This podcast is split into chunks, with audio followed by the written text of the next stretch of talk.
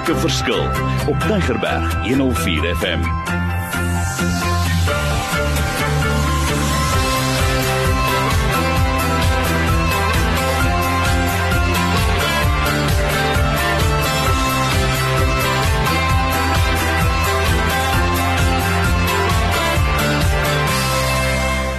Wonderful. My name is Mario Denton, and I am so excited because we're talking about a topic that's very, very close to my heart. It's about leadership.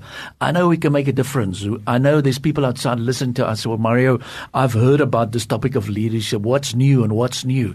And yes, I still got my two special people with me, Bruce and Leon.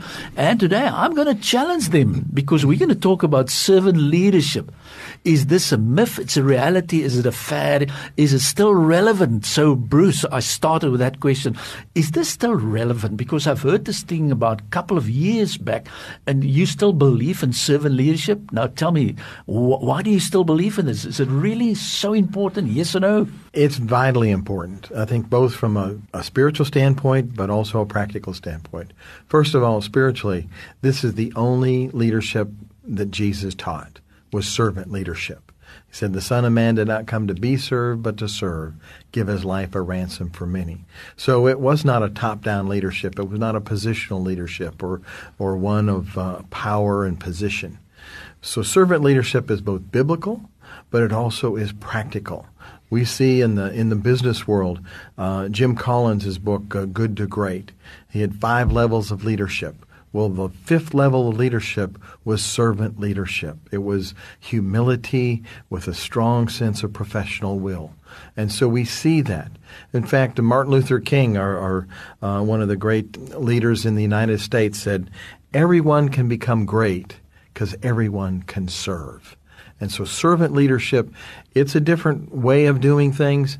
It puts people first, it puts others first, but it will move mountains. And so we'll talk more about what it takes to be a servant leadership. But yes, servant leadership is more effective today than ever before. Great, and listen to that. It's more effective than, and, and I love your words. But Leon, you are sitting in the business world in South Africa. What do you experience about this topic and where your comments from your side? Mario, yes, a few years, uh, quite a few years ago, I read a book called Man in the Mirror by Patrick Morley. And it really changed a lot of my thinking because it really pointed the finger at me, the thing of leadership, the man in the mirror. When I stand in front of the mirror, who do I see? And how do I judge that man in the mirror? And uh, that really uh, made me think a lot about myself.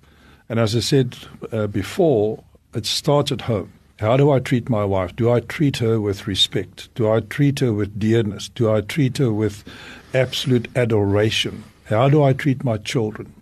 Am I proud of my wife because of who she is? Am I proud of my children because who they are? Because who they are, a lot of that is as a result of how I treat them, how I deal with them, how I lead them in the home and the things around the home and things about God and the importance of that. So it really pointed the finger at me when I started thinking about leadership and what is expected of leadership. So that caused me to dig more into the word, more into books on leadership, and to come up with the answer. And I know is in the Bible it says leadership is from God.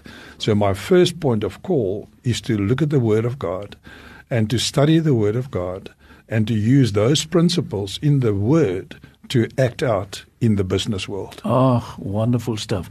And thanks for the practical advice. But Bruce, from your side, I've listened out to Leon. What practical advice and what suggestions do you have about this topic of servant leadership? Well, servant leadership, uh, from a practical standpoint, really there's four aspects to it. First of all, leaders need to be have an inspiration or a big picture vision of where God's leading them and what the plan mission is and what the plan is. So leadership brings about a clear picture of where we're going. And so that's the first part. They cast hope and they align people to a vision and a plan. The second part is really the personal or motivational side of things. And that is the character, which we've talked about before, is that if I'm not trustworthy, people are not going to follow. But it also brings in the practical side of I need to do things right and well with excellence and to uh, to do the very best I can do and to take on challenges. The third aspect of leadership, it is about relationships. It's about people. So Leon talked about leading in the home and valuing our wives or our families, leading other people. So, this idea of relationships is that we grow people, we develop people, and we empower them. It's not about us holding on to the power, it's literally us giving it away as we help develop people and help them walk with integrity and teamwork. And then the final aspect of, of uh, servant leadership is that of strategy or getting results. We have to not just talk the talk, but we have to work it out and have a, a clear sense of strategy, a clear sense of direction, and, and do good for people not just talk about it, but actually produce good results. And so these four aspects of servant leadership, they're found in uh, actually in the book of Titus. Uh, it, it, it kind of breaks those things down in, in chapter by chapter. So those are just four aspects. We could talk about more of each one of those. But first of all, it's inspiration, it is personal, it's relational, and it's missional. Ag, I love this. En vir ons luisteraars asseblief as jy betrokke is in jou gemeente of by die skool of by die werk and you want more of this information and the slides and the contents and the course material I want you to get involved. Because let's get this right. And I listened to Bruce now when he said uh, you know your goal is to let people grow, is to develop them, is to empower them. And then he used the word also, don't just hold on to your power. And I know we've got a serious problem with this in Africa. We're sitting in positions where we sometimes hold on and hold on and hold on, and there's no succession planning, there's no follow up. And it's a crucial issue. So thanks, uh, Bruce, for highlighting that to us. It is crucial, and also your point about excellence. Just to wrap up the session, one or two final things, Leon, from your side, and then back to Bruce. I think what we need to, what I need to ask myself every day when I leave my house uh, to go into the business world is, you know, what is my purpose for going mm. into the business world? Is it to make money, or is it to present and represent Christ Jesus, my Lord? And so oftentimes we forget about Christ Jesus and we think about the checkbook and we think about the bank balance. And it hits me every day that we sometimes don't even see the opportunity of a soul that is without Christ, without hope. And we have the answer to that. So for me, it really is shift my attention to the very fact that I'm more than just a, an insurance broker.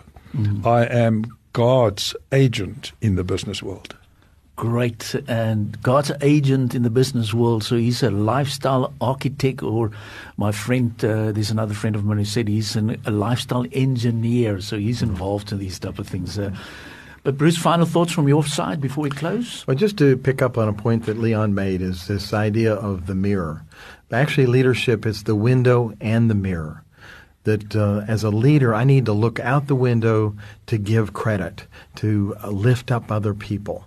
And I need the mirror to look at in terms of who's responsible. I need to look at myself first people from the world, oftentimes world leadership, they look out the window to blame other people or point problems out, and they look at the mirror to lift themselves up.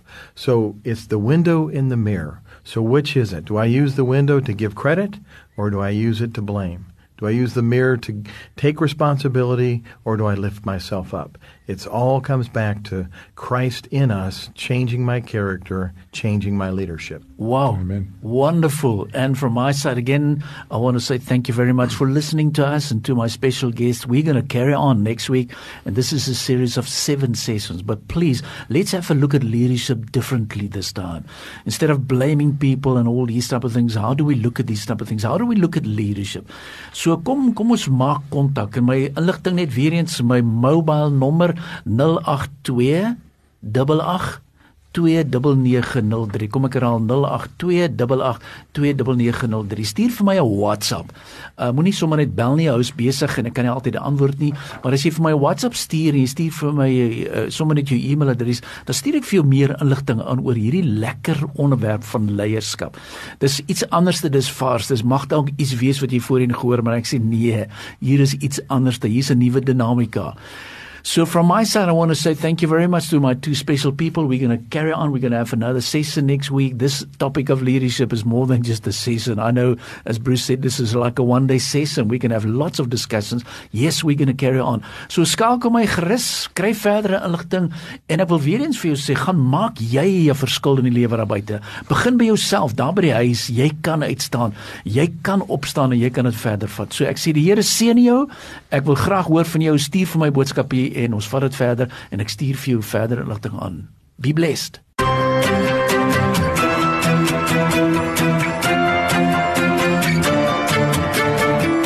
Opnames van Maak 'n Verskil is te kry op Potgooi via Tygerberg 104 FM se app of te wel toepassing.